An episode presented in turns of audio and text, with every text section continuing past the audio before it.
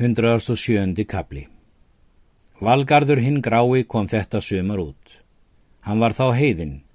Hann fór til hofs til marðar sonar síns og var þar um veturinn. Hann mælti til marðar. Riðið hef ég hér um byggðina víða og þykir mér eigi mig að kenna að hinn sama sé. Kom ég á kvítanes og sá ég þar búðartóftir margar og umbrót mikil. Og kom ég á þingskála þing og sá ég þar ofan brotna búð voru alla, eða hví sæta fyrn slík. Mörður svarar. Hér eru tekin upp ný góðorð og fymtardómslög og hafa menn sagt sig úr þingi frá mér og í þing með höskuldi. Valgarður mælti. Ítla hefur þú launa mér góðorðið, er ég fekk þér í hendur að fara svo ómanlega með. Vil ég nú að þú launir þeim því að þeim drægi öllum til bana, en það er til þess að þú rægir þá saman og drepi sínir njáls höskuld.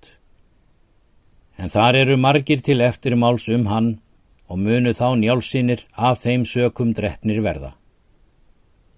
Egi mun ég það geta gert, segir mörður. Ég skal leggja ráðinn til, segir valgarður. Þú skalt bjóða njálsónum heim og leysa það út með gjöfum en svo fremi skalt þú rógið frammi hafa, er orðin er vináta með yður mikil og þeir trúa þér eigi verre en sér. Máttu svo hefnast við skarpiðin, þess er hann tók fjöð af þér eftir lát Gunnars. Munt þú svo fremi taka höfðingskap, er þessir, eru allir döðir. Þessa ráðagerð festu þeir með sér að sjá skildi framkoma. Mörður mælti. Það vildi ég, fadir, að þú tækir við trú. Þú ert maður gamall. Egi vil ég það, segir Valgarður. Heldur vil ég að þú kastir trúni og sjá hversu þá fari.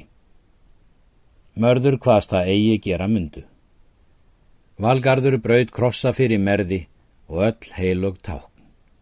Littlu síðar tók Valgarður sótt og andaðist og var hann hegður.